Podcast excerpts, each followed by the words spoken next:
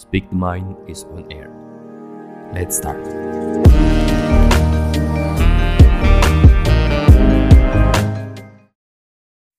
Assalamualaikum warahmatullahi wabarakatuh.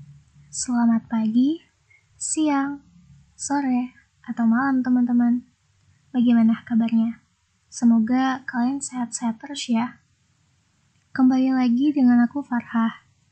Kali ini aku bakal nemenin kalian selama kurang lebih 40 menit ke depan untuk sharing ke kalian.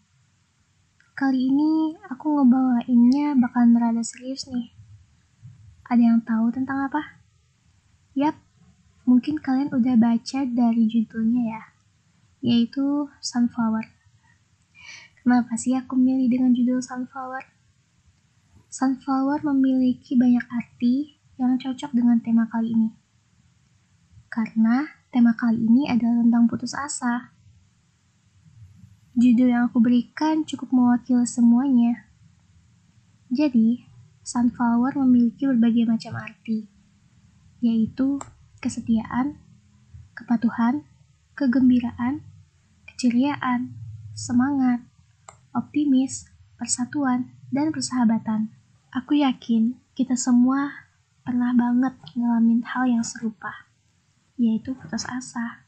Menurut Kamus Besar Bahasa Indonesia, arti putus asa adalah habis atau hilang harapan Arti lainnya dari putus asa adalah tidak ada harapan lagi.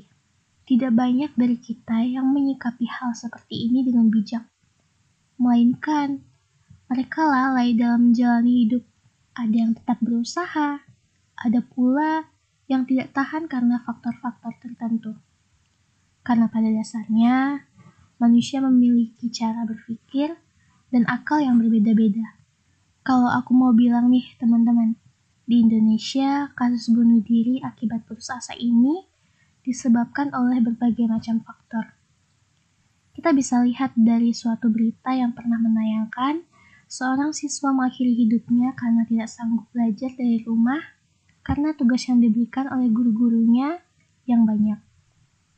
Kemudian ada juga satu keluarga mengakhiri hidup mereka karena kelaparan dan tidak sanggup lagi untuk melanjutkan hidup.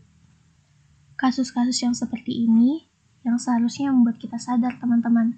Ada kok jalan keluar yang lebih baik dibandingkan mengakhiri hidup kita sendiri. Kita hanya perlu bersabar sedikit saja dan berusaha. Dan juga kita perlu mendekatkan diri kepada Tuhan. Bayangkan aja kalau kita nggak mempunyai suatu tiang yang kuat untuk berpegangan. Pastinya kita bakalan ikut larut dalam derasnya arus yang mengalir. Terkadang memang untuk bangkit dan memulai itu butuh banget adanya support dan sesuatu yang membuat kita semangat lagi. Jadi, kita harus bisa menjadi bunga matahari yang selalu cerah, memiliki manfaat, dan juga indah. Bayangin ya teman-teman, kita ini adalah segerombolan bunga matahari yang indah dan bersinar di bumi ini. Aku nggak pernah tahu masalah kita dalam menjalani hidup ini pastinya berbeda-beda. Dan yang aku mau kita semua harus sama-sama kuat dalam menjalani segala cobaan yang bertubi-tubi yang menusuk kita. Segala cobaan yang Tuhan beri ke kita itu adalah sebuah proses untuk mendewasakan kita, agar kita dapat bijak dalam mengambil setiap keputusan yang ada. Kita harus selalu bersikap optimis. Jangan pernah mau menjadi pesimis. Yuk, janji sama aku, kita harus sama-sama kuat. Untuk aku, kamu, dan orang di sekitar kita. Terima kasih teman-teman udah mau dengerin podcast dari Melisankan Pikiran. Kalau kalian punya saran, masukan, atau sharing juga tentang pengalaman kalian, bisa banget buat kirimin ke Instagramnya Melisankan Pikiran atau kirim ke email kita melisankanpikiran at gmail.com. Aku tunggu cerita dari kalian. Daripada nambah pikiran, mending dibicarakan. Wassalamualaikum warahmatullahi wabarakatuh.